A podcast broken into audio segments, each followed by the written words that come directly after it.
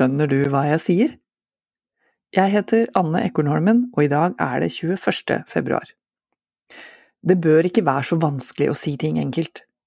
I tillegg er det penger å spare. Hvis kommuner og offentlige kontorer bruker klarere, enklere språk, sparer de både tid og penger. Man skulle tro det var opplagt, men nå er det også slått fast i en ny rapport. Som en bonus blir tilbudet og tjenestene bedre. Innbyggerne, brukerne, alle blir mer fornøyd. For de fleste veit hvor frustrerende det er å stange i en språkvegg, enten det er helsevesenet, Nav eller en annen etat som prøver seg på kommunikasjon. Jeg fikk for en stund siden kneet ut av ledd, en folkelig beskrivelse av diagnosen, og venta på behandlingssvar fra sykehuset. Brevet angående min patellaluksasjon, som det heter på fagspråket, var klassisk skivebom. Hvis vi altså har som utgangspunkt at kommunikasjon handler om å dele et meningsinnhold. Når en tekst ikke er til å begripe for mottakeren, skjer det i praksis ingen overføring av informasjon eller kunnskap. Kommunikasjon faller på steingrunn, som en samtale uten sam. Ut fra MR-bilder og fastlegens notater hadde overlegen i sitat vurdert om du har rett til nødvendig helsehjelp i spesialisthelsetjenesten, og konkludert med at jeg ikke hadde sitat, rett til utredning eller behandling. Ikke rett til, sjøl om jeg er normalt skattebetalende innbygger av velferdsstaten. Veien er kort fra å bli dynka i fremmedord til å føle seg dum, umyndiggjort og skyvet ut på sidelinja, sjøl om det handler om egen helse. Kanskje tror de at de henvender seg presist og nøyaktig, mens resultatet i praksis, når man bruker fagspråk og fremmedord, er feiltolking, frustrasjon og aggresjon. Google hjalp meg å tyde at overlegen mente jeg ikke behøvde noen operasjon. I brevet sto det altså egentlig du trenger ikke operere kneet. Så enkelt kunne det vært, hvis de ville, hvis statens klarspråkregler var obligatorisk å følge så må forskere, jurister, politikere, saksbehandlere, for den del rørleggere og murere, gjerne ty til spesifikt stammespråk seg imellom.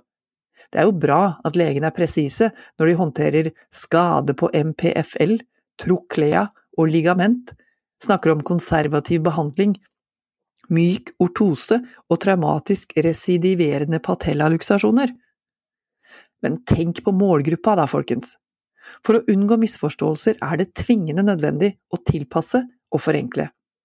I tillegg er det lønnsomt å allmenngjøre språket. Bergen kommune har bevist det. De forenkla språket i en søknad om bostøtte, og sparer anslagsvis 12 000 kroner i året, skriver nrk.no. På ett skjema. De slipper å bruke saksbehandlingstid og krefter på å sende ut 200 mangelbrev til folk som ikke har skjønt hva de skal fylle ut, folk som ringer og spør eller må purres på. Store besparelser, altså, i å få det riktig første gang. Mindre frustrasjon hos søkeren, mer tid til overs hos byråkraten. Virkelig innsparing blir det når kommunens etater har over 100 forskjellige skjemaer til forskjellige formål. Søknader, bestillinger og meldinger som brukerne skal forstå og sende inn. For hver krone norske kommuner bruker på klart språk, så kan de ha en avkastning på mellom 1,3 og 4 kroner. Det er anslaget etter at KS, kommunenes organisasjon, fikk økonomene i Menon Economics til å undersøke effekten og gevinstene av enklere språk hos saksbehandlerne.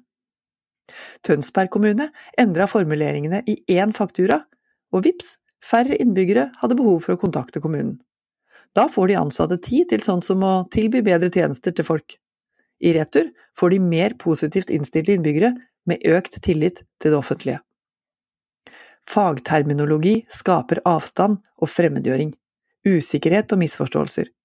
Det konstruerer et oss som forstår og er innafor, mot dem, bermen, som i frustrasjon skyves bort. Derfor er det nedfelt i språklovas paragraf 9 at offentlig organ skal, citat, kommunisere på et klart og korrekt språk som er tilpassa målgruppa, Citat slutt. Bergen kommune bytta ut sånn som avtjener noen i husstanden verneplikt, med er noen i boligen i militæret eller førstegangstjeneste i et skjema, helt uten at meninga ble endra eller nyanser forsvant. Om man ikke ser den demokratiske rekkevidden og betydningen, så har kanskje utsiktene til bedre omdømme for kommunen og sjansen for økonomisk innsparing vil gjøre det attraktivt å legge inn en ekstra innsats.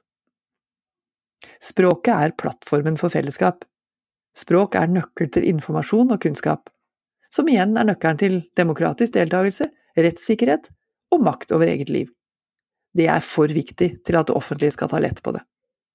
De virkelige gevinstene i samfunnsøkonomisk perspektiv kommer når kommunene, både innad og seg imellom, deler og gjenbruker tekster og skjemaer som er formulert med klart språk, til beste for både seg sjøl og dem de skal kommunisere med.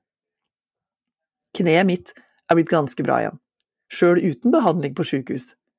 Men rett til utredning og behandling, det mener jeg fortsatt bestemt at jeg har. Nå har du hørt Nasjonen på øret.